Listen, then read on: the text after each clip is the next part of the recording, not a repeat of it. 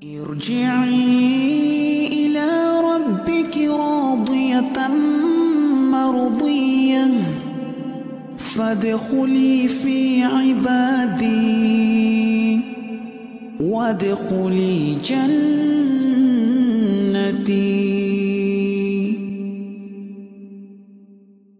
Untuk memberikan waktu kepada Alustar Abdullah Taslim Emma Hafizahullah Ta'ala, waktu dan tempat kami persilakan. Jazakallah Khair. Assalamualaikum warahmatullahi wabarakatuh. Waalaikumsalam. Alhamdulillah. Alhamdulillahi ala ihsanih. Wa syukru lahu ala taufiqihi wa amtinanih. Wa asyhadu an la ilaha illallah wahdahu la syarika lah. Ta'ziman li syanih. Wa asyhadu anna Muhammadan abduhu wa rasuluhu ad-da'i ila ridwanih. Sallallahu alaihi wa ala alihi wa sahbihi wa ikhwanih amma ba'du. Alhamdulillah ma'asyiral muslimin ma'asyiral ikhwa wal akhwat fid din rahimakumullah. Ikhwan dan akhwat para peserta kajian sahabat ilmu Darmais yang semoga senantiasa antum semoga senantiasa dirahmati oleh Allah Subhanahu wa taala. Alhamdulillah kita bersyukur kepada Allah Subhanahu wa taala atas semua limpahan nikmat dan karunia-Nya.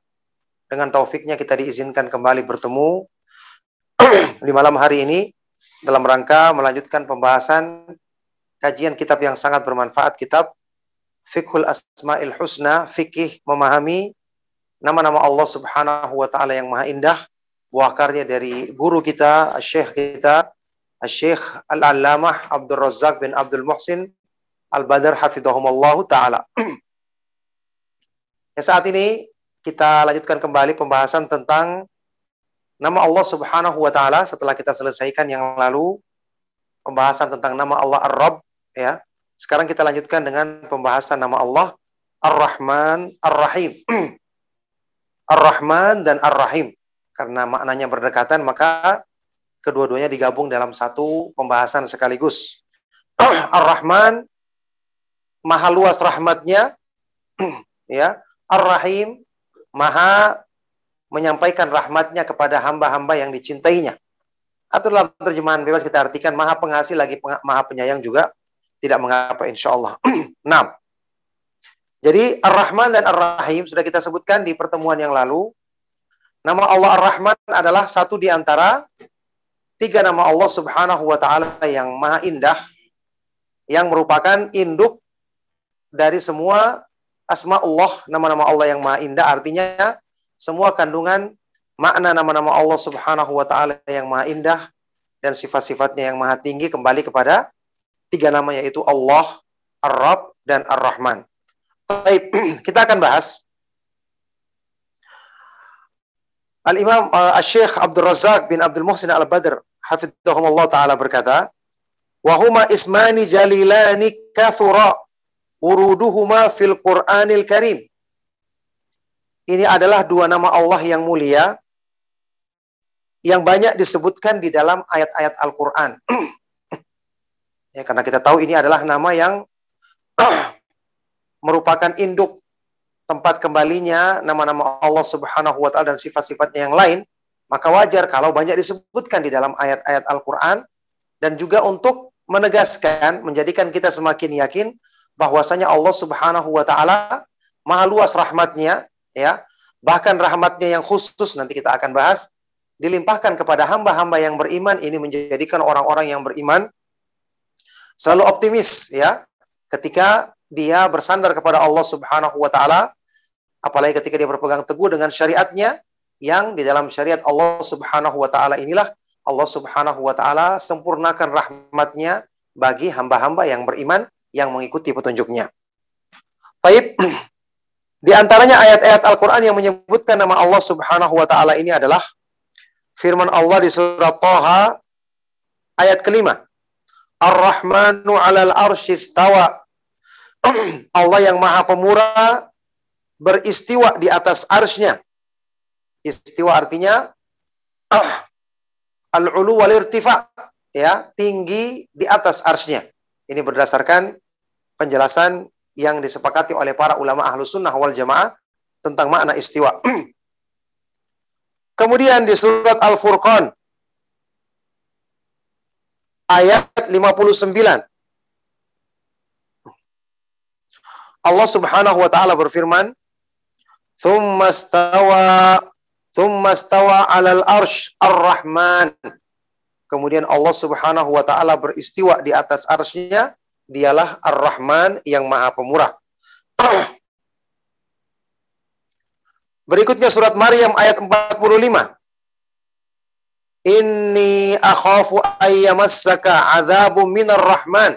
Sesungguhnya aku khawatir kamu wahai ayahku ditimpa azab dari Allah Subhanahu wa taala Ar-Rahman yang Maha Pemurah. Di surat An-Naba ayat 37, Rabbis samawati wal ardi wa ma bainahumar rahman. Dialah Allah Rabb yang Maha menguasai langit-langit dan bumi dan apa yang ada di antara keduanya Ar-Rahman yang Maha Pemurah. Di surat Ar-Rahman ayat pertama ayat kedua, Ar-Rahman 'allamal Qur'an, khalaqal insan dan seterusnya. Ar-Rahman, Allah yang Maha Pemurah, dialah yang mengajarkan Al-Qur'an, menciptakan manusia dan seterusnya. nah, jadi ini ayat-ayat yang menyebutkan tentang nama Allah Subhanahu wa taala Ar-Rahman.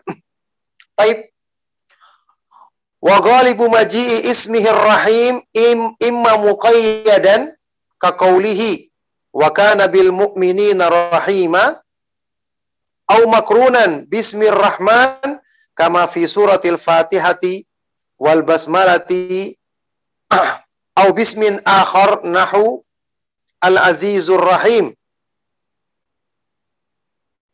al ghafurur rahim al barrur rahim at tawwabur rahim kalau yang tadi nama Allah Ar-Rahman, sekarang kita lihat nama Allah Ar-Rahim.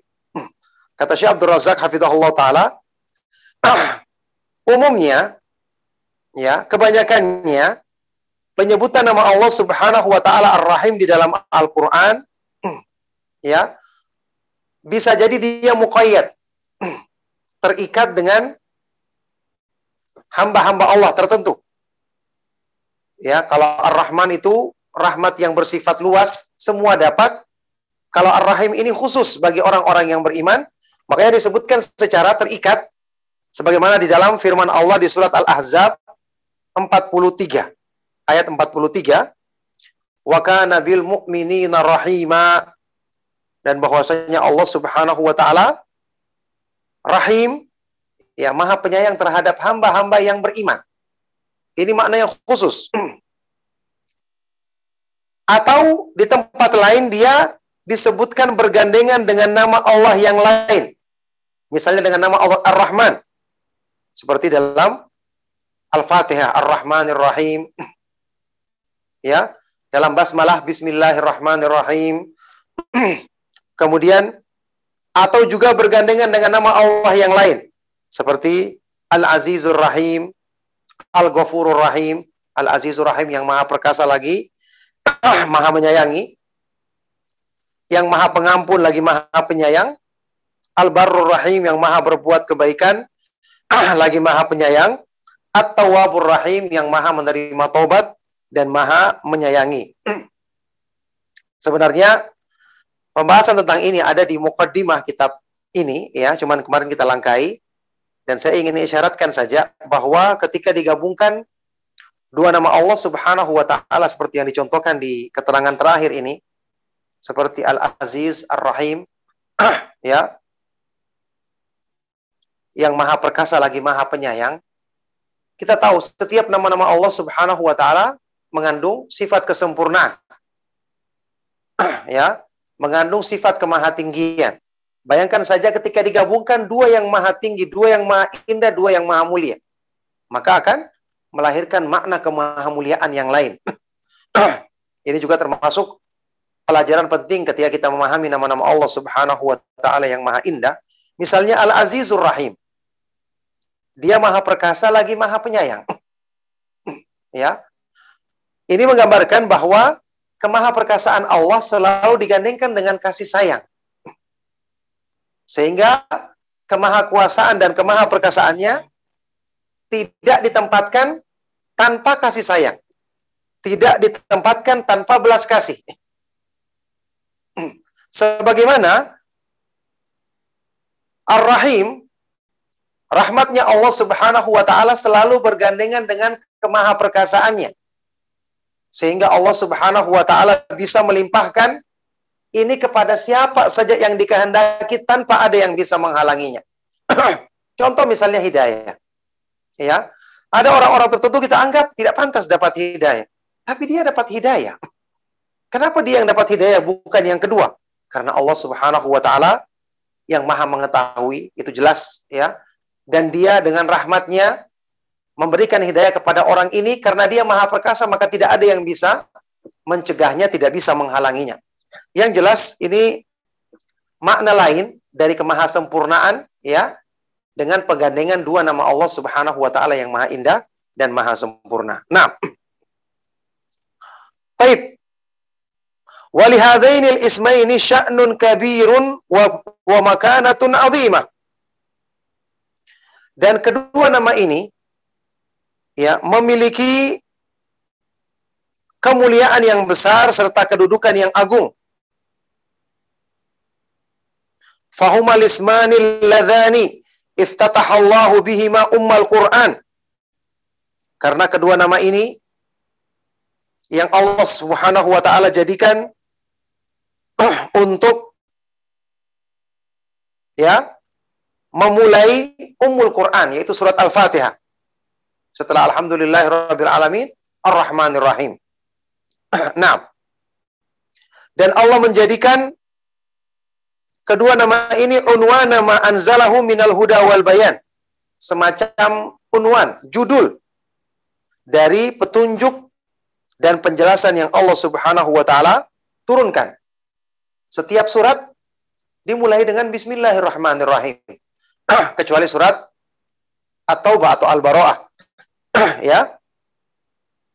Wa dhammanahumal kalimatal lati la yathbutu laha syaitan dan Allah Subhanahu wa taala menjadikan dua nama ini pada kalimat yang tidak kuat syaitan untuk menghadapinya.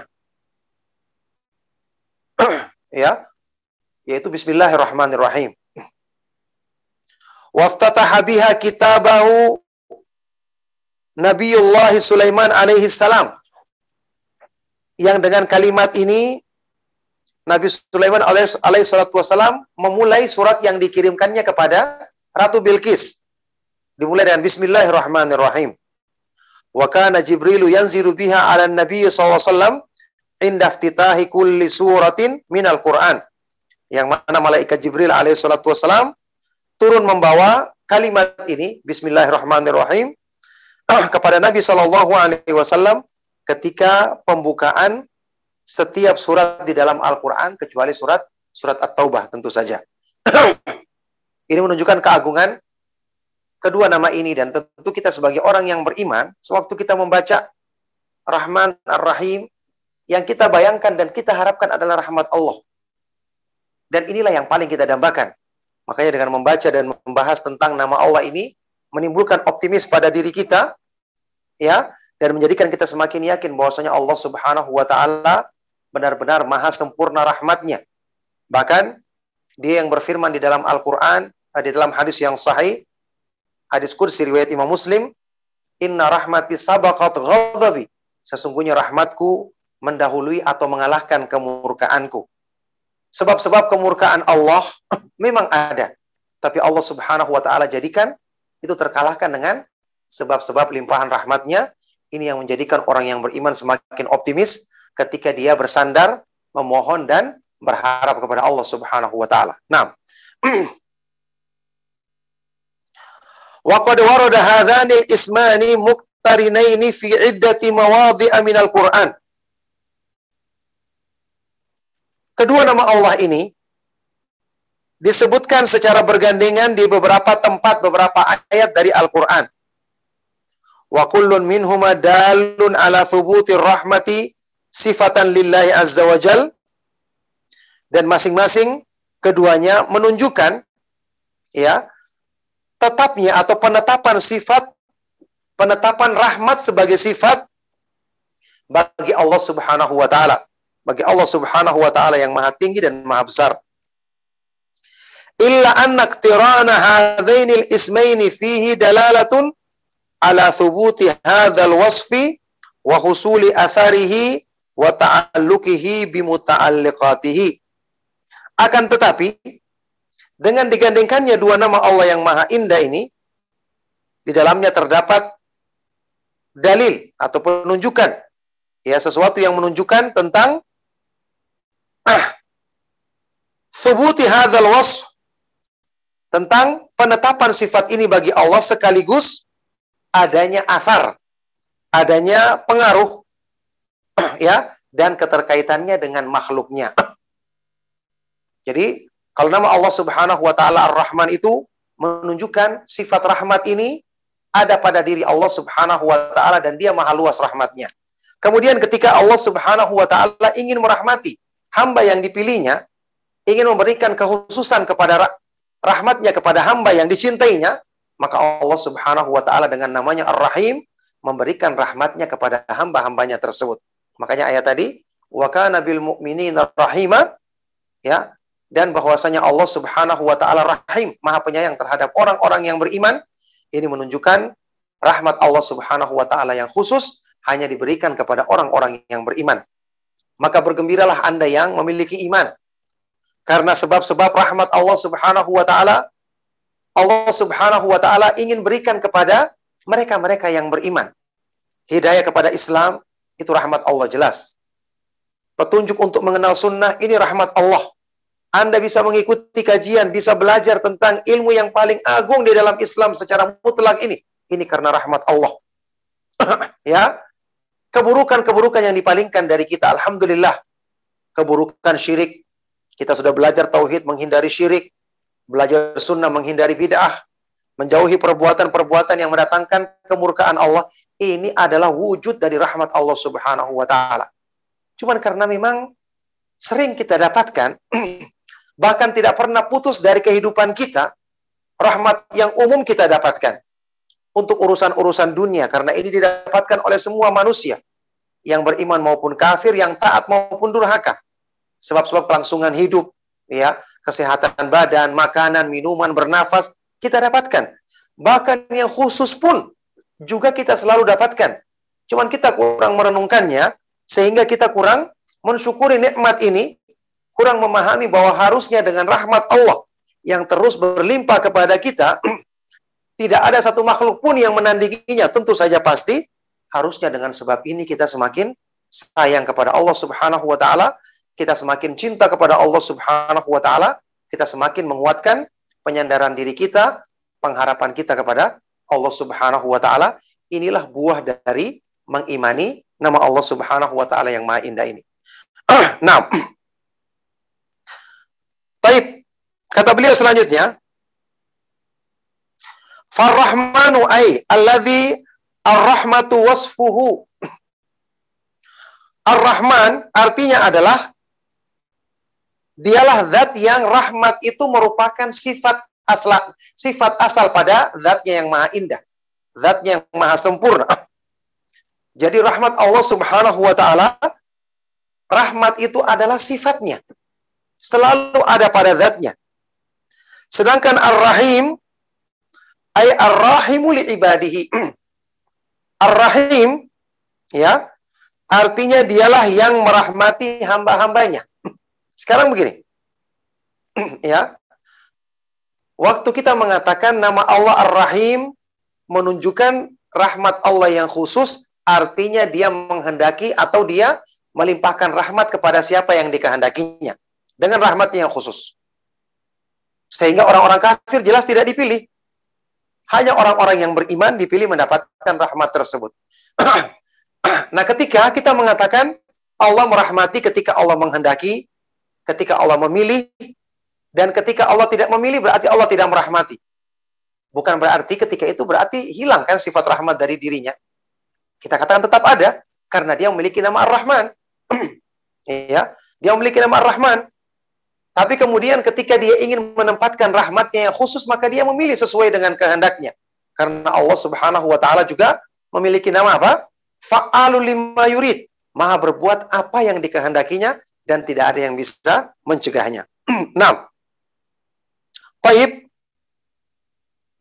Jadi Ar-Rahim ay Ar-Rahimu li ibadihi. Ar-Rahim artinya adalah yang maha menyayangi hamba-hambanya. Hamba-hamba yang dipilihnya.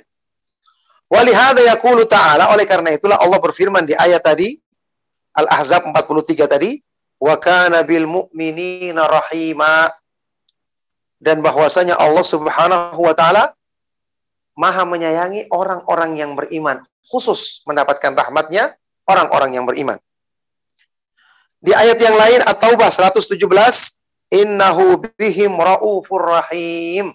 Sesungguhnya Allah Subhanahu wa taala terhadap hamba-hambanya yang beriman rauf. maha penyantun, rahim dan maha penyayang. Ya. Kata Syekh Abdul Razak, walam yaji tidak pernah disebutkan dalam Al-Qur'an misalnya Rahmanu bi ibadihi. Allah Rahman terhadap hamba-hambanya yang beriman. Rahmanu bil mu'minin. Allah Rahman terhadap orang-orang yang beriman. Tidak. Jadi Allah Subhanahu wa taala untuk rahmatnya yang khusus Allah sebutkan dengan namanya Ar-Rahim. Adapun untuk rahmatnya yang bersifat umum artinya rahmat merupakan sifat yang selalu ada pada zatnya Allah Subhanahu wa taala menyebutkan namanya Ar-Rahman. Dari sinilah kita bisa membedakan ya, membedakan antara uh, makna dan perbedaan di antara dua nama tersebut Ar-Rahman dan Ar-Rahim. Baik. Kata saya selanjutnya, War-Rahmanu ja'a ala wazi wazni fa'lan. Ad-dali ala sifati thabitatil lazimatil kamilah. Ar-Rahman itu dalam bahasa Arab ya disebutkan dalam bentuk dalam wazan wazan ini semacam timbangan kalimat dalam bahasa Arab. Fa'lan.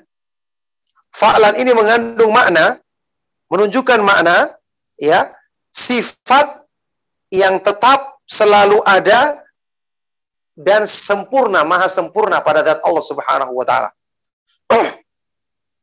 Ai man sifatuhu rahmatu dialah zat yang rahmat adalah sifatnya sifat yang selalu ada pada zatnya. Sedangkan warrahimu dalun ala ta'addi halil marhum.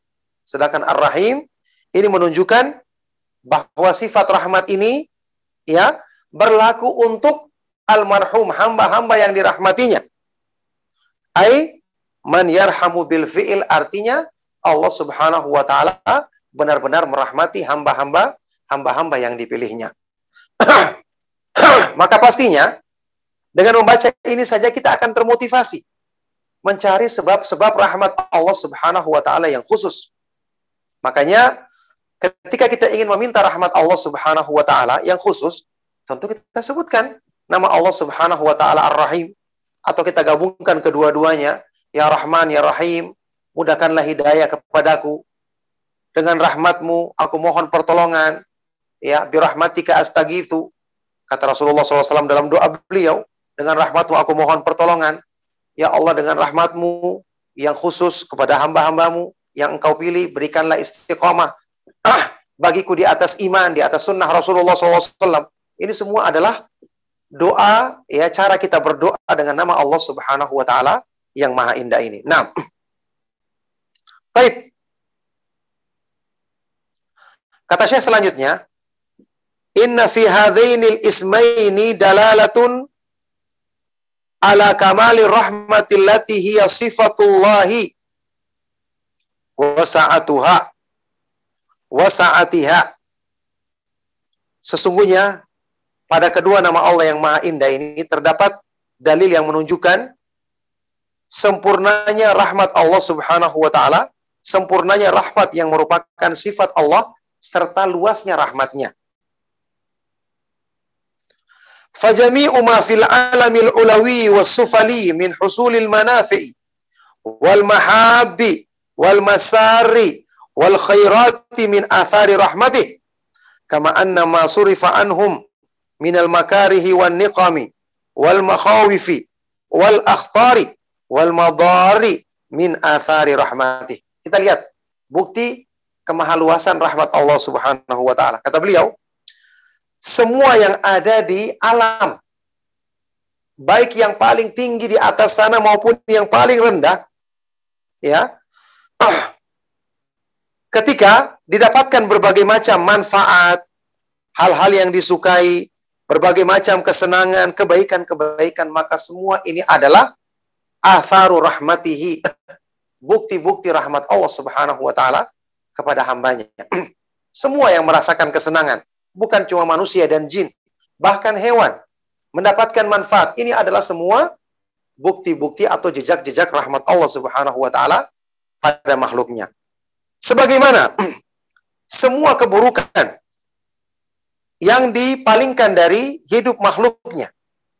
Ya. Semua keburukan, semua siksaan, semua hal-hal yang menakutkan, semua bahaya ini adalah jejak-jejak atau bukti-bukti rahmat Allah Subhanahu wa taala kepada makhluknya. Fa innahu la ya'ti bil hasanati illa huwa wa la yadfa'u sayyiati illa huwa wa huwa arhamur rahimin karena tidak ada yang mendatangkan kebaikan-kebaikan bagi makhluknya selain Allah ya dan tidak ada yang bisa mencegah keburukan-keburukan memalingkan mereka dari berbagai macam keburukan kecuali dia dan dialah arhamur rahimin yang paling penyayang, yang sangat penyayang, paling penyayang di antara hamba-hamba yang menyayang. Artinya dialah yang paling maha penyayang terhadap hamba-hambanya. Makanya kalau ada orang yang berputus asa dari rahmat Allah Subhanahu wa taala, ini kan jelas kebodohan. Ketika ada orang yang beriman apalagi ragu dengan rezeki yang Allah berikan untuknya, yang jamin untuknya. Nah orang kafir saja, binatang saja dengan rahmat Allah mereka diberikan jaminan rezeki, apalagi orang yang beriman. Makanya orang yang beriman ketika dia meminta rezeki kepada Allah bukan cuma sekedar meminta rezeki dalam artian jumlah, kuantitas. Dia harus gandengkan dengan mana rahmat yang khusus.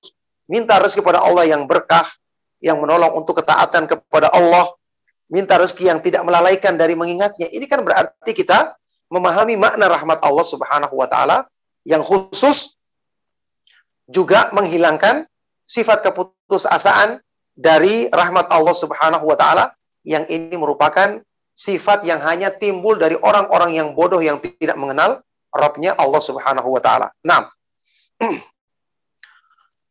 Taib wa rahmatuhu ta'ala sabaqat ghadabahu wa ghalabathu wa zaharat fi khalqihi dhuhuran la yunkar hatta mala'at aqtara aqtara samawati wal ard dan rahmat Allah Subhanahu wa taala mendahului dan mengalahkan kemurkaannya serta nampak rahmat Allah ini ya pada makhluknya dengan kejelasan yang tidak mungkin bisa diingkari. Saya katakan tadi ini kan disebutkan dalam Hadis sahih riwayat Imam Muslim. Ya Rasulullah SAW bersabda, "Lama qadallahu al-khalq kataba kitaban indahu fawqal arsy inna rahmati sabaqat ghadabi wa fi riwayatin inna rahmati taglibu atau ghalabat ghalabat ghadabi." Ketika Allah Subhanahu wa taala menentukan ketentuan makhluknya, dia menulis sebuah kitab di sisinya di atas arsh sesungguhnya rahmatku mendahului kemurkaanku dalam riwayat lain, sesungguhnya rahmatku mengalahkan kemurkaanku. Sekarang, apakah Allah Subhanahu wa taala bisa murka? Jelas. Allah Subhanahu wa taala Maha Kuasa melakukan apa saja. Bisa marah? Jelas. Allah Subhanahu wa taala Maha Kuasa melakukan berbuat apa yang dikehendakinya. Tapi Allah sendiri yang menetapkan untuk dirinya. Ya, bahwa rahmatnya mengalahkan kemurkaanku. Kata Rabbukum ala nafsihi rahmat. Rabb kalian Allah subhanahu wa ta'ala menetapkan bagi dirinya sifat rahmat. Allah sendiri yang menjadikan dengan kehendaknya yang maha sempurna, rahmatnya mendahului kemurkaannya. Makanya kita lihat contohnya saja. ya, dalam syariat satu amal kebaikan kita amalkan dilipat gandakan menjadi berapa? Al hasanatu bi asyrati amthaliha kata Rasulullah SAW. Satu kebaikan dilipat gandakan menjadi sepuluh dalam Sahih Muslim. ila sab'i mi'ati sampai 700 kali lipat ila adhafin kathira sampai berlipat-lipat dalam jumlah yang banyak. Satu kebaikan. Kita amalkan dengan benar. Sementara keburukan apakah dilipat gandakan? Jawabannya tidak. Orang melakukan keburukan, na'udzubillah min dalik, hanya dituliskan satu dosa baginya.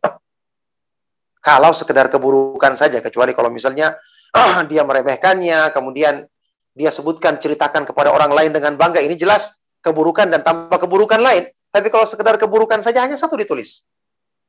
Orang yang meniatkan kebaikan, dapat pahala apa tidak? Dapat pahala. Orang yang berniat keburukan belum melakukannya, tidak dapat dosa. Selama belum terucap, belum dilakukan. Ini wujud rahmat Allah. Berarti betul rahmat Allah mengalahkan kemurkaannya. Coba lihat. Sehubungan dengan sifat Allah Subhanahu wa taala yang disebutkan di dalam hadis yang sahih. ya. Rasulullah SAW pernah bersabda dalam hadis riwayat Bukhari Muslim. La tazalu jahannamu yulqa fiha wahya takul hal min mazid. Senantiasa neraka jahanam itu dilemparkan kepadanya penghuninya. Naudzubillah min dzalik. Sudah dapatkan azab, mereka dihinakan, dilemparkan masuk ke dalam neraka jahanam. Penghuninya. Tapi senantiasa neraka itu mengatakan hal mim mazid, apakah masih ada tambahan?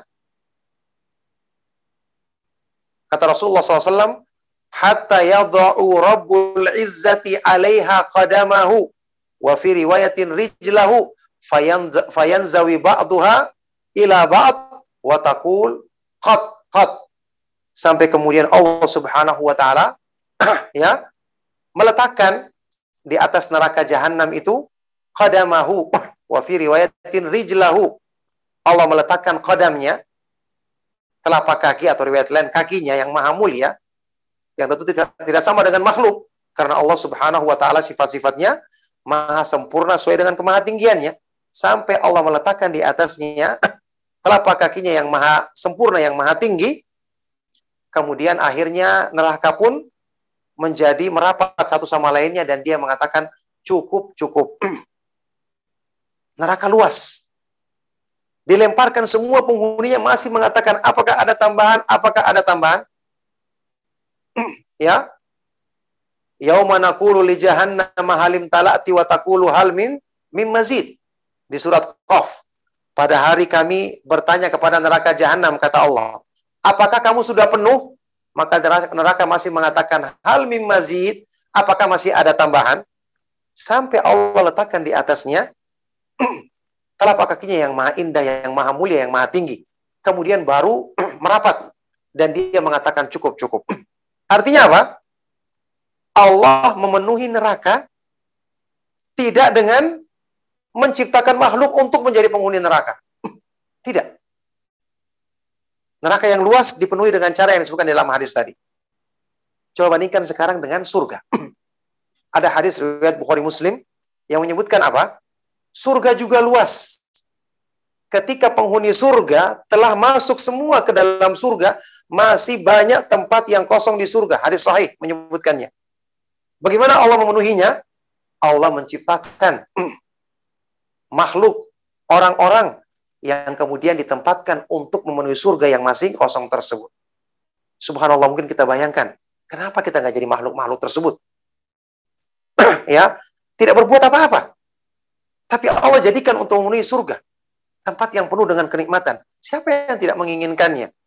Cuma tentu saja kita katakan, Alhamdulillah, Allah subhanahu wa ta'ala menciptakan kita di dunia dan memberikan hidayah kepada kita mengenal Islam, mengenal iman, mengenal sunnah. Tentu ini adalah karunia yang besar. Cuman kita ambil pelajaran penting dari hadis sahih riwayat Bukhari Muslim ini, bahwasanya Allah subhanahu wa ta'ala bisa memberikan rahmatnya kepada makhluk lebih daripada apa yang mereka kerjakan Bahkan makhluk-makhluk ini tidak mengerjakan kebaikan. Langsung Allah ciptakan kemudian mengisi tempat yang kosong di surga. Sementara neraka, Allah subhanahu wa ta'ala tidak lakukan hal yang sama. Allah tidak menciptakan makhluk untuk menempati tempat yang kosong dari neraka. Subhanallah. Ini menjadikan kita bersyukur. ya. Kepada Allah subhanahu wa ta'ala kita memiliki Rob yang maha pengasih lagi maha penyayang. Yang semoga senantiasa melimpahkan rahmatnya yang sempurna kepada kepada kita. Nah, kata beliau selanjutnya, jadi hatta malaat aqtar samawati wal ard sampai-sampai rahmat Allah Subhanahu wa taala memenuhi semua penjuru langit-langit dan bumi wamtala'at minhal qulubu hatta hannat hannatil makhluqatu ba'duha ala ba'd. Dan hati-hati makhluknya semua dipenuhi dengan rahmatnya. Sampai semua makhluk saling menyayangi satu sama lain bihadi rahmat. Dengan rahmat Allah ini. Ya allati nasyaraha alaihim wa auda'aha fi qulubihim. Saling menyayangi satu sama lainnya dengan rahmat yang Allah berikan kepada mereka dan Allah masukkan di hati mereka. Wa hatta hannatil bahaimul lati la tarju naf'an wala akibatan wala jazaan. Sampai-sampai binatang saja sayang kepada anaknya padahal dia tidak mengharapkan dari anaknya ini ada manfaat, balasan kebaikan nah, setelah itu. Tetap dia sayang kepada anaknya. Sampai bahkan binatang buas ya. Sampai bahkan binatang buas sayang kepada anaknya, tidak mau makan anaknya sendiri. Nah,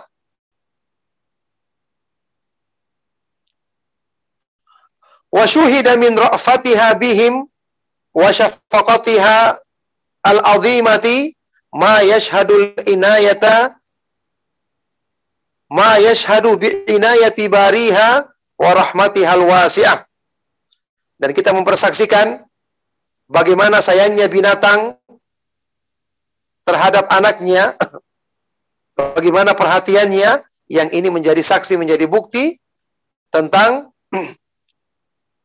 perhatian dari Allah Subhanahu wa taala dan rahmatnya yang maha luas. Baik.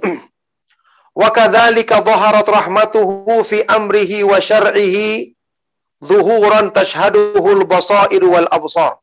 Demikian pula jelas. Ya, kalau dalam urusan-urusan dunia saja rahmat Allah demikian nampak dengan jelas, maka tentu saja nampaknya dan jelasnya rahmat Allah Subhanahu wa taala di dalam perintah dan larangannya pasti lebih jelas lagi. ya. Dan demikianlah jelasnya rahmat Allah Subhanahu wa taala dalam perintahnya, dalam syariatnya ini dengan kejelasan yang dipersaksikan oleh mata hati dan mata kepala kita sendiri. dan doanya dengan kecintaannya. Pastinya sempurna. Demikian berlimpah di dalam syariat ini. Orang yang berpegang teguh dengan syariat Allah pasti dia mengumpulkan untuk dirinya banyak bagian dari rahmat Allah Subhanahu wa taala yang menjadi nanti. Nah,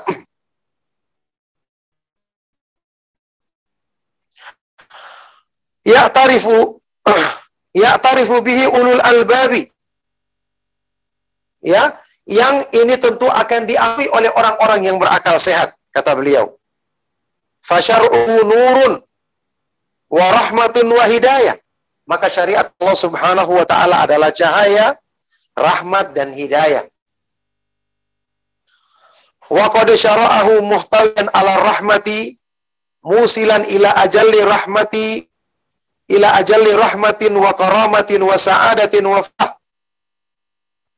Allah menurunkan syariatnya yang terkandung di dalamnya rahmat bahkan dengan syariatnya menyampaikan kita kepada rahmatnya yang paling tinggi kemuliaannya yang paling agung serta kebahagiaan dan kegembiraan yang paling yang paling mulia itu surganya.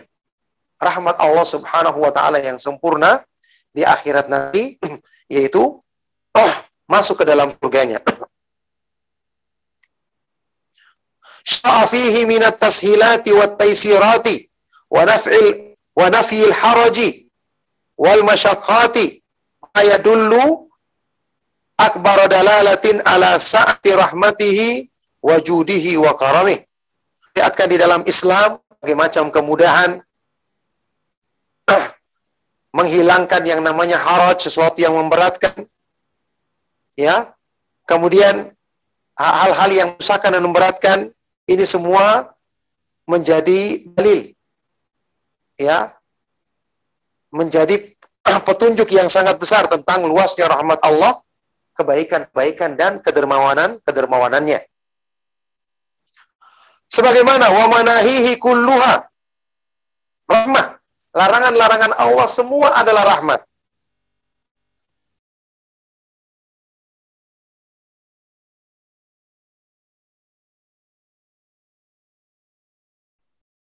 Kayaknya kelempar ya Ustadz ya.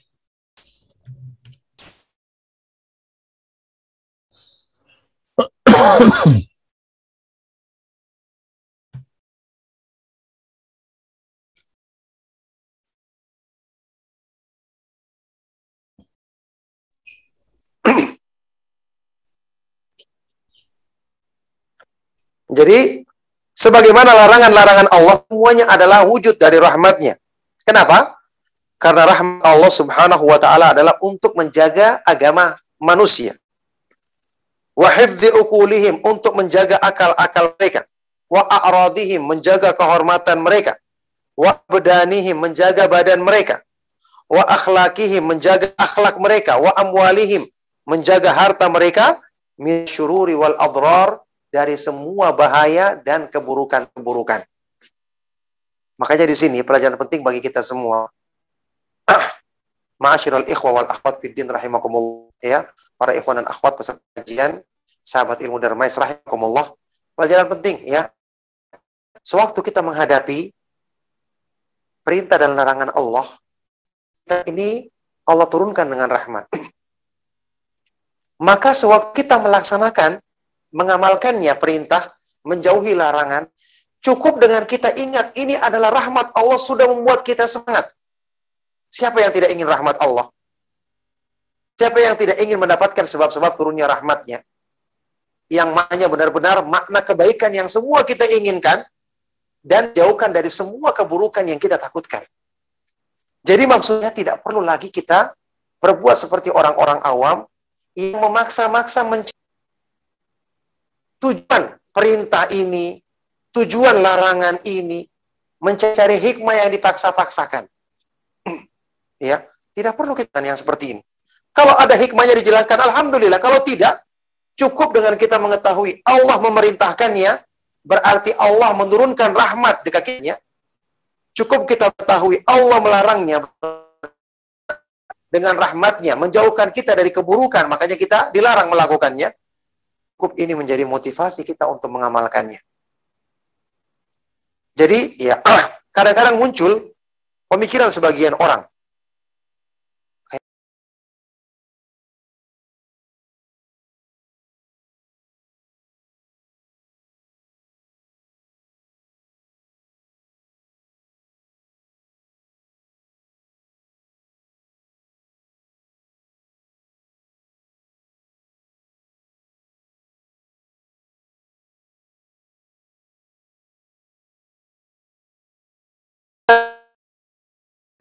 Kita paksa-paksakan.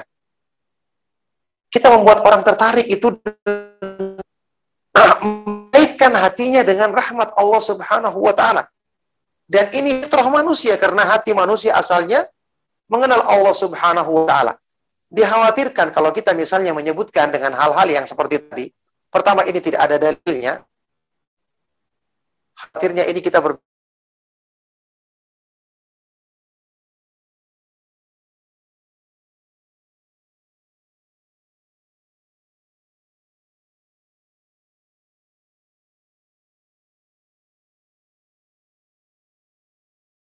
Kalau kita menyebutkan hikmah-hikmah seperti ini, nanti ada orang awam ketika dia mengamalkan, dia tidak mendapatkan seperti yang kita sebutkan, maka dia akan justru semakin meninggalkan agama. Maka ini tidak perlu hal-hal yang seperti ini.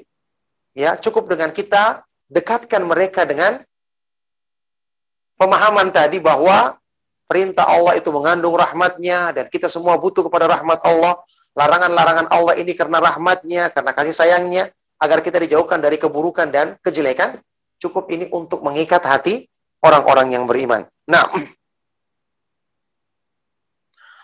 Wa yaumal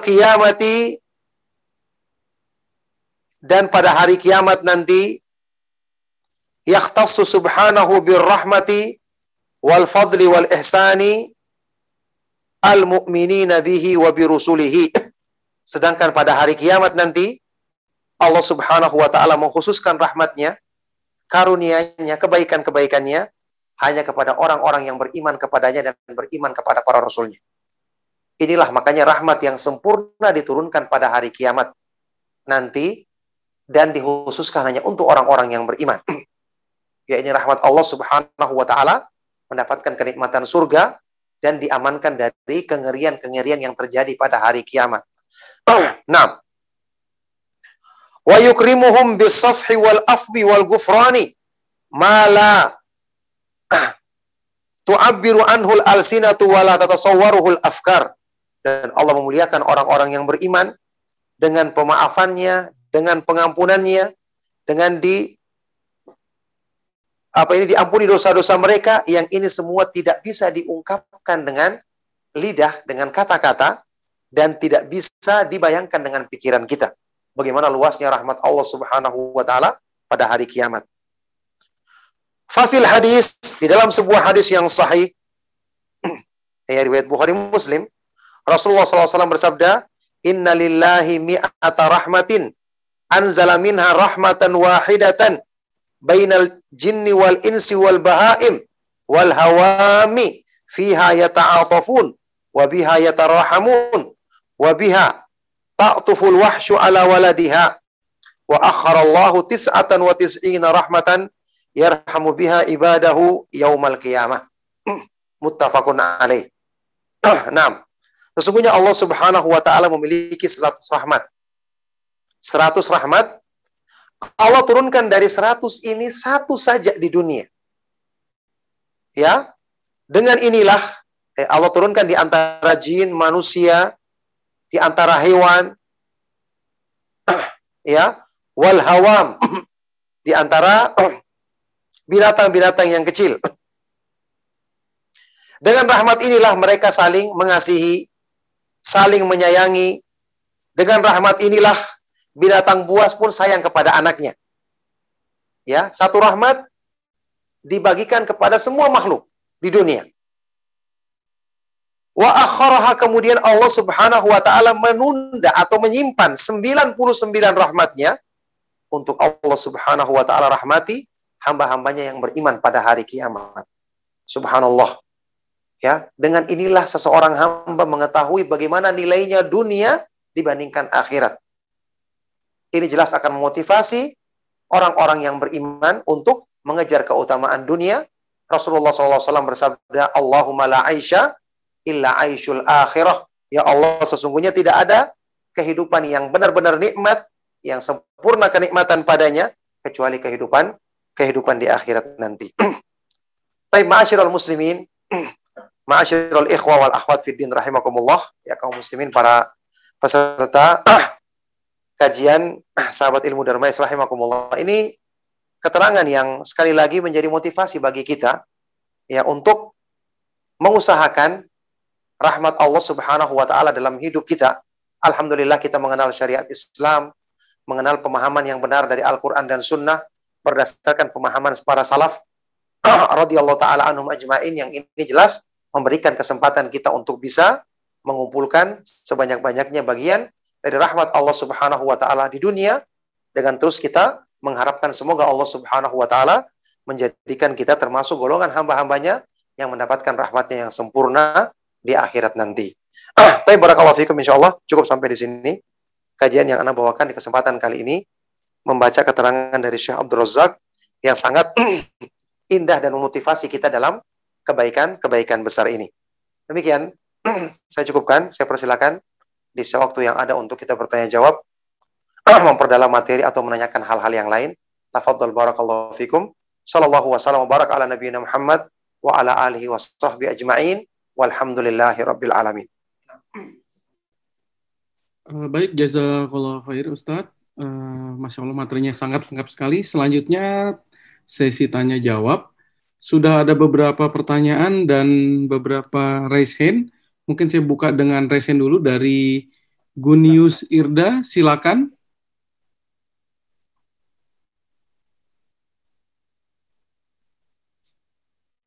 Silakan dari Gunius Irda untuk bertanya.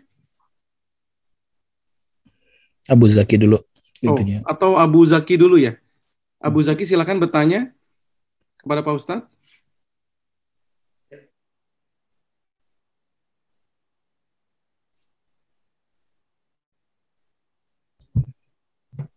Atau Umu Koshi. Sala- Oh, Zaki. Assalamualaikum. Oh. Assalamualaikum. Waalaikumsalam. Anak anak Bu Jaki mau tanya ini. Assalamualaikum warahmatullahi wabarakatuh. Waalaikumsalam warahmatullahi Eh, terima kasih waktu yang telah diberikan kepada kami. Eh, ada sedikit pertanyaan yang masih mengganjal pada diri kami, Pak Ustadz. Ya. Mohon pencerahannya. Eh, tadi pembahasan masalah asma wa- eh, nama asma wa sifat ya, artinya nama-nama sifat Allah yang indah dan mulia. Kita meyakini tentang asma wa sifat yaitu Allah Maha mengasihi, Maha merahmati, Maha segala-galanya. Cuma eh, kadang eh, ketika kita punya masalah, kita punya problema, keyakinan itu pudar. Artinya eh, kadang kita protes, protes artinya kita buruk sangka kepada Allah kenapa kok Allah kasih seperti ini? Di mana engkau ya Allah? Apakah hal seperti ini akan bisa mengurangi tauhid asma wa sifat? Artinya apakah hukumnya haram atau apa bisa mengurangi keimanan kita kepada Allah tentang tauhid asma wa sifat. Demikian mohon penjelasannya barakallahu fikum. Iya. Pertanyaan sangat baik sekali dari beliau yang bertanya semoga Allah Subhanahu wa taala senantiasa melimpahkan kebaikannya kepada beliau, kepada kepada kepada kita semua. Iya. Keyakinan tentang sifat rahmat Allah Subhanahu wa taala, kebaikan dan kasih sayangnya tentu akan semakin kuat setelah kita merenungkan ayat-ayat Al-Qur'an dan merenungkan kebaikan-kebaikan yang Allah Subhanahu wa taala senantiasa limpahkan kepada kita supaya dengan ini semakin menguat di hati kita keimanan terhadap hal ini dan tentu saja dengan kita belajar tentang iman sekaligus juga kita bersihkan kotoran-kotoran penyakit hati agar keyakinan ini ketika masuk menancap kuat di hati kita sehingga sewaktu kita mengalami hal-hal yang seperti tadi masalah kita tidak bersangka buruk kepada Allah ya Makanya pastinya sikap-sikap kita dipengaruhi dengan iman. Kenapa kita sangka buruk? Karena berarti iman kita lemah. Sekarang hukumnya ya sama manusia saja, sama orang yang sama-sama muslim, kita dilarang bersangka buruk. Padahal bisa jadi dia berbuat buruk. Kemungkinan besar manusia bisa berbuat buruk. Apalagi sama Allah yang tidak ada kemungkinan dia berbuat buruk. Wal khairu kulluhu fi yadai wasyarru laisa ilaik kata Rasulullah SAW dalam doa beliau. Ya Allah kebaikan semua ada pada tanganmu dan keburukan tidak dinisbatkan kepadamu. Jadi jelas ini dosa yang sangat besar. Mengurangi iman dan dosa yang sangat besar dan ini pelanggaran terhadap pemahaman terhadap nama-nama dan sifat-sifat Allah. Bahkan ini tidak memuliakan Allah Subhanahu wa taala dengan pemuliaan yang sebenarnya. Kemudian sangka buruk ini justru akan membawa kepada keburukan. Karena Allah Subhanahu wa taala berfirman dalam hadis kursi riwayat Bukhari Muslim, "Ana inda dhanni 'abdi bi." Aku ini sesuai dengan persangkaan dan pengharapan hambaku kepada. Oleh karena itu, ya. Sebenarnya kalau kita merenungkan sedikit saja, ya. Hal-hal seperti ini bisa kita tepis dan kita hilangkan. Cuma ya, tipu daya syaitan memang mempengaruhi kita untuk mendahulukan sangka buruk kita waktu kita menghadapi masalah, menghadapi problem, kita inginnya seperti ini. Kenapa Allah berikan seperti ini? Dan menjadikan kita ragu. Kenapa? Mana bukti rahmat Allah?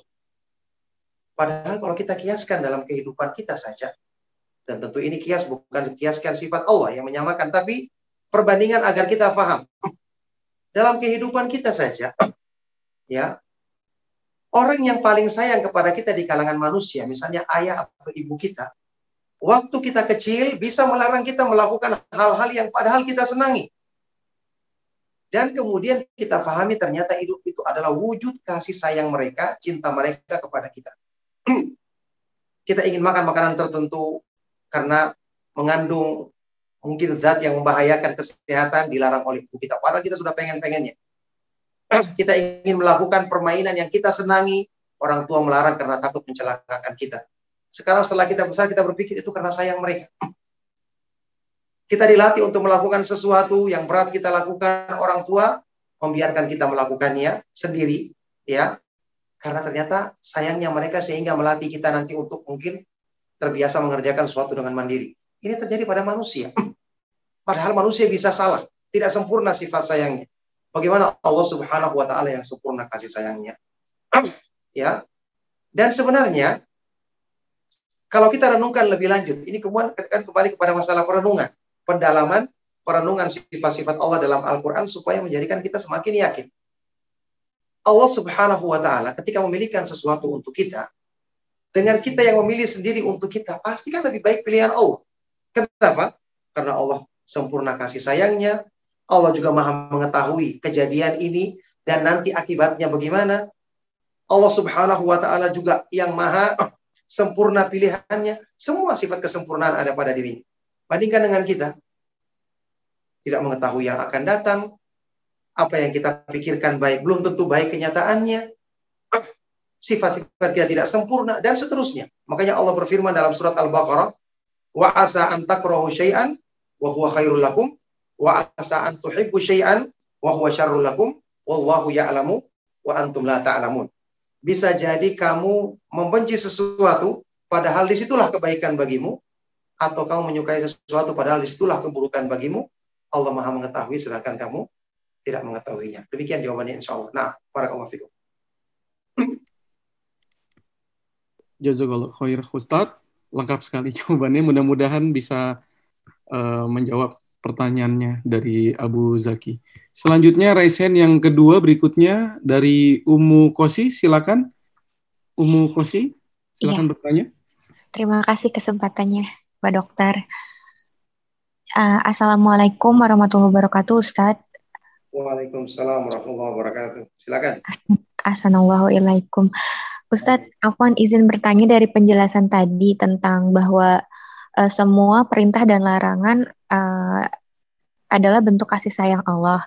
Yang kalau perintah berarti mengandung kebaikan untuk kita dan larangan pasti mengandung keburukan ini kan termasuk keyakinan ya Ustadz ya. Uh, apakah ini sebuah termasuk ke, ke akidah yang wajib uh, sehingga misalnya kita melihat gini, uh, misalnya seseorang yang berusaha ada di jalan pekerjaan yang ha halal tapi kok diuji dengan anaknya yang masih uh, apa ya mungkin tidak mudah butuh usaha lebih untuk dibilangin gitu.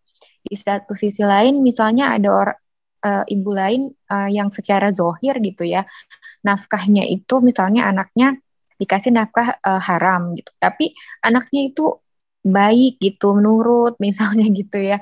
Uh, sampai si ibu ini mengatakan bahwa uh, bapak si ibu yang menafkahi anaknya dengan haram ini berpikir bahwa dia nggak kenapa-napa gitu bahwa karena uh, dia tetap istighfar walaupun nafkahnya haram jadi anak-anaknya terlindungin gitu gitu. Dan uh, itu apakah termasuk uh, bermasalah di akidah ataukah memang ketika kita terus beristighfar tapi tetap ada di dalam sebuah dosa itu tetap bisa mencegah uh, efek buruk dari dosa tersebut gitu. Uh, atau ada hal lain yang kita harus tetap yakinin ini walaupun dampak larangan itu belum terlihat atau dampak kebaikan itu belum terlihat, kita harus tetap meyakini hal yang tadi pertama itu, Ustadz, bahwa kebaikan mengandung hikmah baik uh, dan larangan mengandung keburukan. Terima kasih Ustadz Cikron, jazakallah khairan. Iya, barakallahu fiik. Pertanyaan sangat baik sekali dari Ibu yang bertanya tadi. Semoga Allah Subhanahu wa taala senantiasa melimpahkan rahmat dan kebaikan kepada beliau dan kepada kita semua. Iya, pertanyaan ini uh, saya akan menjawab coba menjawabnya dengan mohon pertolongan kepada Allah dari beberapa, beberapa sisi ya. Yang pertama ya masalah contoh yang disebutkan tadi seorang ibu yang berusaha dengan nafkah yang halal tapi kemudian dalam pendidikan anaknya misalnya dalam satu sisi bisa pendidikan anak ternyata dia kelihatan kurang berhasil sementara ibu yang lain yang nafkahnya dari yang haram tapi kemudian ternyata dia berhasil anaknya nurut dan seterusnya sehingga dia mengatakan yang penting dia istighfar dan seterusnya seperti pertanyaan tadi. Pertama, kita sebut contoh supaya lebih jelas ya. Contoh hamba Allah yang sempurna imannya yaitu para nabi dan para rasul. Apakah di antara mereka ada yang gagal mendidik anaknya? Kalau yang gagal tidak ada karena mereka telah berhasil berusaha mendidik ya kan? Mereka tidak mungkin gagal. Tapi dampak anaknya nurut sama mereka atau bahkan durhaka sebab mereka kan ada. Nabi Nuh alaihissalatu wassalam, kemudian Nabi Lut istrinya, Nabi Nuh juga istrinya dengan anaknya bahkan. Padahal pasti yakin kita Nabi Nuh yang terbaik dalam ibadahnya, terbaik dalam halalnya rezekinya, terbaik dalam bimbingannya, semua terbaik. Maka apa yang terjadi dengan hal seperti ini? Ini adalah ujian bagi mereka. Ini adalah sisi ujian yang akan semakin menambah kemuliaan mereka. Kalau kita contohkan dengan Asia bintu Muzahim, istrinya Fir'aun. Salah satu wanita pimpinan penghuni surga, bayangkan. Istri, suaminya adalah salah satu orang yang paling kufur. Apakah kita katakan ketakwaannya dari ketakwaan dari Asia bintu Muzahim tidak ada manfaatnya kenapa dia akan bisa mendakwai suaminya? Tidak demikian. Dia sudah berusaha pastinya. Karena tidak mungkin dia dipuji. ya. Tapi Allah menguji dia dengan ujian yang seperti ini untuk semakin menambah dan menguatkan imannya. Sama dengan kejadian tadi. Ibu tadi paling tidak dengan usahanya mendakwai anaknya kan dapat pahala dia. Dengan usahanya untuk menyadarkan anaknya dia tidak sia-sia mendapatkan pahala di sisi Allah Subhanahu wa taala. ya. Nabi Muhammad Shallallahu alaihi wasallam apa kurangnya? Nabi yang terbaik. Kenapa beliau tidak bisa mendakwai pamannya sendiri yang sangat menyayangi dia untuk mendapatkan hidayah? Padahal pamannya tidak benci kepada dia, bahkan menyayangi dia, membela dia, membela beliau Shallallahu Alaihi Wasallam. Ujian dari Allah Subhanahu Wa Taala. Dan kita semakin yakin di sini itu hidayah di tangan Allah. Ini satu sisi jawabannya. Yang kedua, contoh tadi, kalau kita lihat secara keseluruhan, siapa yang menjamin ibu ini ketika anaknya masih kecil dia suruh tidak nurut, susah diatur. Kemudian anaknya terus-menerus seperti itu. Setelah dia besar, kita kan belum tahu besarnya nanti. Ternyata nanti dapat hidayah, dia menjadi anak yang sangat sayang kepada ibunya. Allah Subhanahu wa taala tidak menampakkan hasilnya saat itu tapi nanti. Dan Allah Subhanahu wa taala punya kehendak yang maha sempurna. Allah Subhanahu wa taala jadikan supaya ibunya ini teruji kesabarannya, supaya ibunya ini lebih banyak dapat pahala, lebih tinggi keutamaannya, maka dibuat masih kecil anaknya ini seolah-olah dia susah. Tapi ternyata setelah itu dia doakan terus anaknya, akhirnya anaknya besar menjadi anak yang soleh, kemudian berbakti kepada orang tuanya, bahkan menjadi orang yang menyebarkan kebaikan, sehingga pahala dari kebaikan anak ini terus mengalir kepada orang tuanya tersebut. Dan Rasulullah SAW bersabda, wa inna waladahu min kasbihi dan anak itu termasuk usaha dari orang tuanya. Artinya pahalanya anak terus mengalir kepada orang tua. Ibu yang kedua tadi, bisa jadi siapa yang menjamin anaknya yang kelihatan nurut kemudian ternyata nurut dalam urusan agama. Mungkin dia nurut kelihatannya karena di hadapan ibunya dia takut, di belakang belum tentu. Ya tentu ini kita tidak seudon sama orang, tapi ini sekedar gambaran saja. Belum tentu dia akan besar terus seperti itu. Kan orang bukan hanya kebaikan saat ini, kita butuhkan penjagaan dari Allah sampai dewasa. Belum tentu dia dewasanya baik. ya, ya, itu tinjauan yang kedua. Yang ketiga, ujian bagi seseorang yang berbuat maksiat tadi seperti kalau betul dicontohkan tadi ibu ini misalnya yang berbuat uh, penghasilannya tidak halal dan dia merasa cukup dengan istighfar. Ini bisa berbahaya. Ini bisa menjadi sebab dia semakin dijauhkan dari petunjuk Allah Subhanahu wa taala karena dia merasa aman. Dan ingat sabda Rasulullah Shallallahu Alaihi Wasallam tentang istidraj, masih ingat hadisnya? Kita pernah dengar mungkin. Istidraj artinya orang yang apa di kayak diulur-ulur, berbuat maksiat tapi Allah seolah-olah berikan keinginannya supaya nanti sekalian diadab pada hari kiamat. Nauzubillah min dzalik. Rasulullah SAW bersabda, "Idza ra'aitallaha yu'til 'abda ma yuhibbu ala ma'asihi fa'lam innama huwa istidrajun." Ini hadis dinyatakan sahih atau hasan oleh Syekh Al-Albani rahimahullah taala. Jika engkau mendapati atau melihat Allah Subhanahu wa taala memberikan kepada seorang hamba apa yang diinginkan hamba ini, padahal dia terus berbuat maksiat, ketahuilah itu adalah istidraj.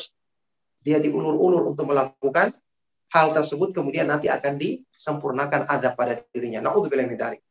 Ini kemungkinannya. Kemungkinan yang lainnya lagi.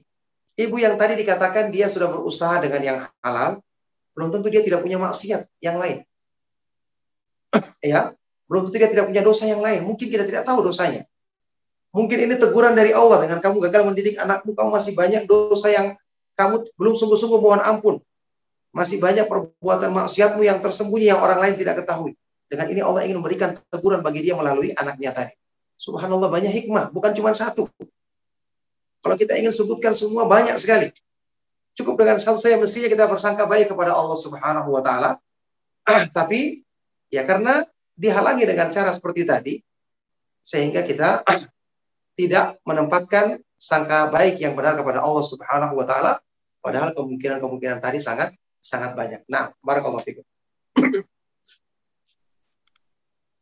Ya, syukron jazakallah khair Ustadz. Penjelasan yang sangat lengkap sekali, Masya Allah.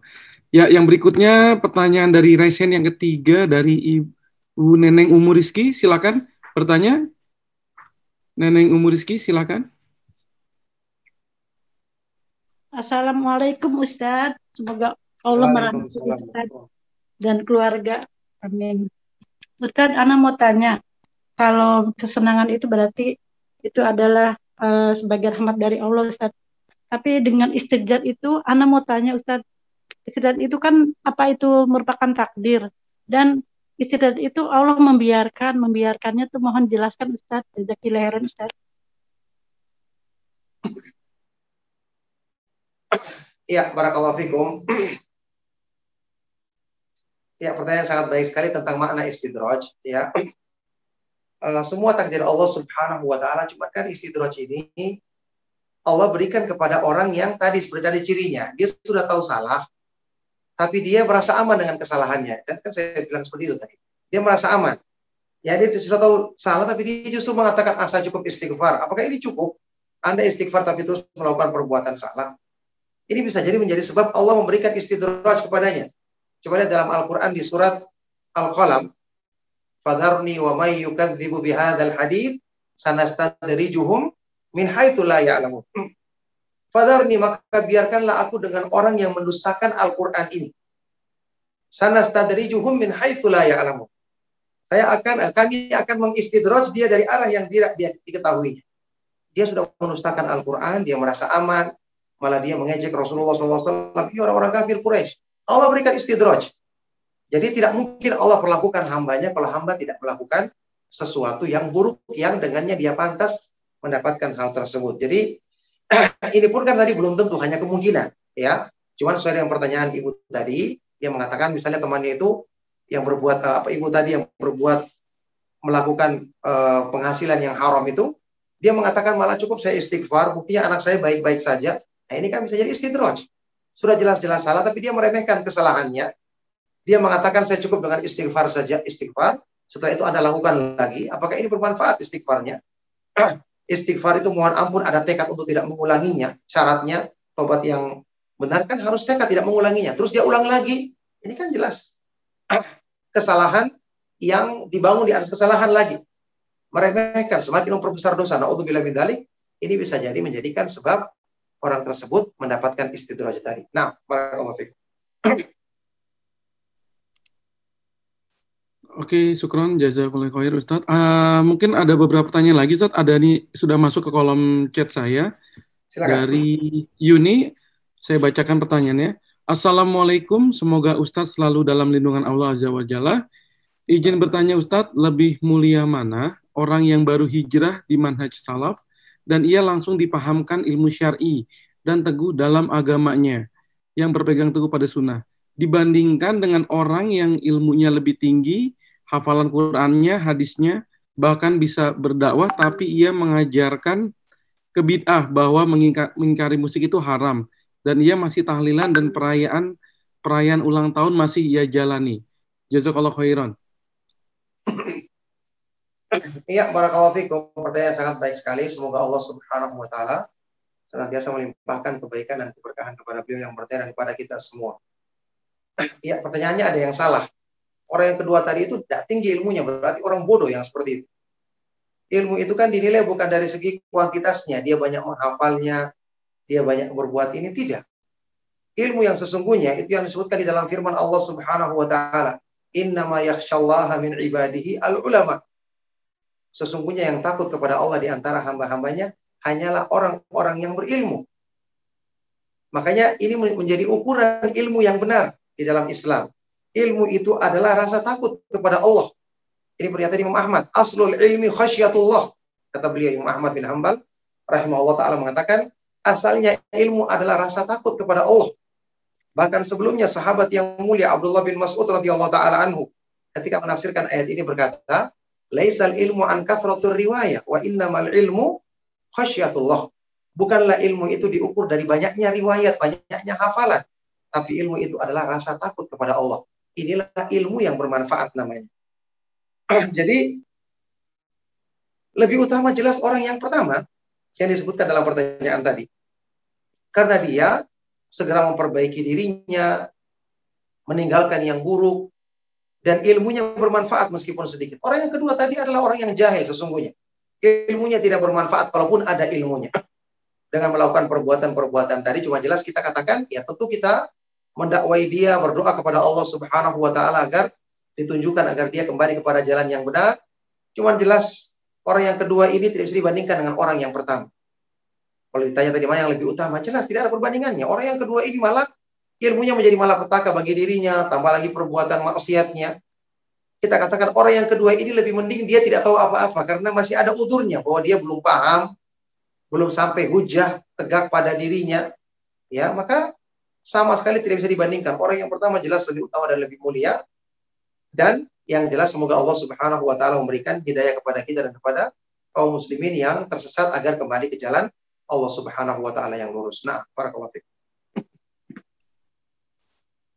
Oke, Ustadz mungkin masih boleh ada pertanyaan Ustadz atau bagaimana? Boleh, boleh. Iya. Ya, silakan, silakan. Boleh, boleh. Oh, boleh. Ini ada satu lagi pertanyaan dari Fitri. Assalamualaikum Ustadz. Adakah dalilnya membaca sholawat sebanyak seribu kali? Jazakallah khair. Iya, barakallahu fikum. Tidak ada dalilnya. ya, tidak ada dalilnya membaca sholawat seribu kali yang ada dalilnya memperbanyak salawat tapi tanpa dihitung tanpa ditentukan balasannya apa batasannya? Asy'al Albani rahimahullah taala menyebutkan bahwa hadis-hadis yang sahih itu ketika menyebutkan batasan sesuatu yang dihitung itu paling banyak 100 paling banyak 100 oleh karena itu Asy'al Albani rahimahullah taala mengatakan sebenarnya kita berzikir dengan jari-jari kita di samping itu ada keutamaannya ya. Kata Rasulullah SAW tentang jari-jari tangan. Fa innahunna mas'ulat wa mustanfaqat. Sesungguhnya jari-jari itu akan ditanya dan akan dijadikan berbicara di hadapan Allah untuk menyaksikan kita menghitung zikir kita. Beliau mengatakan cukup dengan tangan kita menghitungnya. Tidak perlu dengan alat. Karena paling maksimal 100 yang ada hitungannya. Ada hadis-hadis yang menyebutkan lebih daripada itu kan tidak terhitung.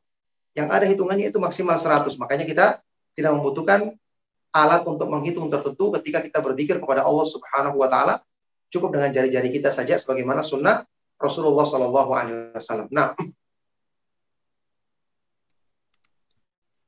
Oke, syukron Pak Ustaz, jazakallah khair. Uh, ada pertanyaan satu lagi nih Ustaz dari ya, Aisyah.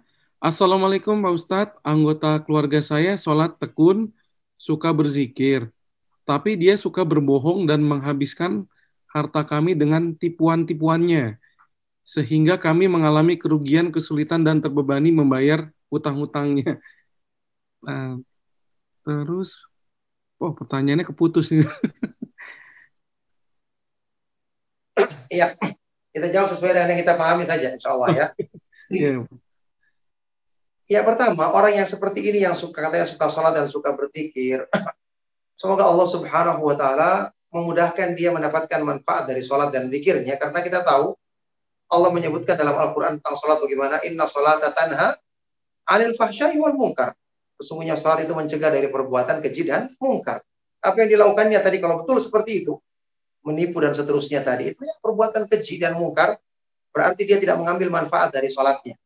Ini di antara sebab kenapa kita diperintahkan untuk melaksanakan sholat dengan memperbaiki sholat kita, melaksanakan sholat dengan ikhlas, sesuai dengan sunnah Rasulullah Shallallahu agar keutamaan dan manfaat sholat kita bisa dapatkan secara sempurna. Karena orang itu mendapatkan keutamaan sholat bisa bertingkat-tingkat karena sesuai dengan jauh dekatnya pelaksanaan sholat yang dikerjakannya dengan contoh sholat yang sempurna yang diajarkan oleh Nabi Muhammad Shallallahu Alaihi Wasallam. Makanya ada hadis riwayat Imam Ahmad yang derajatnya dikatakan hasan oleh Syekh Al-Albani rahimahullah taala tentang salat yang pahalanya berbeda-beda orang dapatkan. Rasulullah SAW bersabda, Innal abda la yusalli salatan ma yuktabu lahu minha illa nisfuha, thuluthuha, rubu'uha, khumusuha, sudusuha, subu'uha, thumunuha, tusu'uha, usyuruha. Sesungguhnya seorang hamba benar-benar dia melaksanakan sholat tapi tidaklah dituliskan baginya keutamaan sholat tersebut kecuali kadang dia dapatkan seperduanya, sepertiganya, seperempatnya, seperlima, seperenam, sepertujuh, seperlapan, sepersembilan, sepersepuluh. Bisa beda-beda nilai didapatkan. Kenapa? Ya tentu sholatnya orang ada yang imannya benar, ikhlasnya benar, ada yang sesuai dengan sunnah Rasulullah SAW, ada yang jauh, maka keutamaan yang didapatkannya bertingkat-tingkat sesuai dengan kualitas dari sholatnya itu sendiri. Oleh karena itu, Orang seperti ini kita perlu nasihati dia. Katakan dia sudah melaksanakan sholat, harusnya mencegah dia dari perbuatan keji dan mungkar. Nasihati dia dan jangan lupa doakan agar dia mendapatkan hidayah. dan tentu saja perbuatannya ini tidak bisa menjadi contoh ya dan tidak menjadi dalil untuk kita meninggalkan sholat atau kita mencela orang yang rajin sholat, rajin zikir ya. Tidak demikian tentu saja. Jadi kita tetap menasehati dan menegur dia serta mendoakan agar dia bertobat dari perbuatan-perbuatan buruk tersebut. Nah, barakallahu fikum. Syukran jazakallahu khair. Baik, Ustadz, uh, sudah tidak ada pertanyaan lagi dari peserta. Mungkin uh, Pak Ustadz bisa menyimpulkan kajian kita pada malam hari ini. Silakan. Ya, barakallahu fikum. Ya, pembahasan kita tentang nama Allah Subhanahu wa taala Ar-Rahman dan Rahim ini juga adalah pembahasan yang sangat luar biasa ya. Pengaruhnya terhadap motivasi dalam keimanan kita dan ini semua menjadi bukti bahwa memang pembahasan tentang nama-nama dan sifat-sifat Allah Subhanahu wa taala menjadikan kita semakin rindu, semakin bersandar dan semakin yakin untuk selalu berharap kepada Allah Subhanahu wa taala karena semua kebaikan-kebaikan ada di tangannya dan semua Eh, kebaikan-kebaikan, keutamaan-keutamaan dan kemuliaan Allah Subhanahu wa taala mudahkan bagi hamba-hamba yang beriman apalagi mereka-mereka yang dijanjikan untuk mendapatkan rahmat Allah Subhanahu wa taala yang khusus. Tapi mudah-mudahan apa yang kita bahas nanti insya Allah akan ada kelanjutan di pertemuan berikutnya. Semoga Allah Subhanahu wa taala mudahkan. Ya, saya cukupkan sampai di sini. Mohon maaf atas segala yang salah dan kurang. Sallallahu wasallam wa barak ala nabiyina Muhammad wa ala alihi wa sahbihi wa man tabi'ahum bi isanin ila yaumiddin. Walhamdulillahi rabbil alamin. Subhanakallahumma wa bihamdika asyhadu an la ilaha illa anta astaghfiruka wa atubu ilaik. Wassalamualaikum warahmatullahi wabarakatuh. Waalaikumsalam warahmatullahi wabarakatuh. Irji'i ila rabbiki radiyatan mardiyah fadkhuli fi ibadi wadkhuli jannati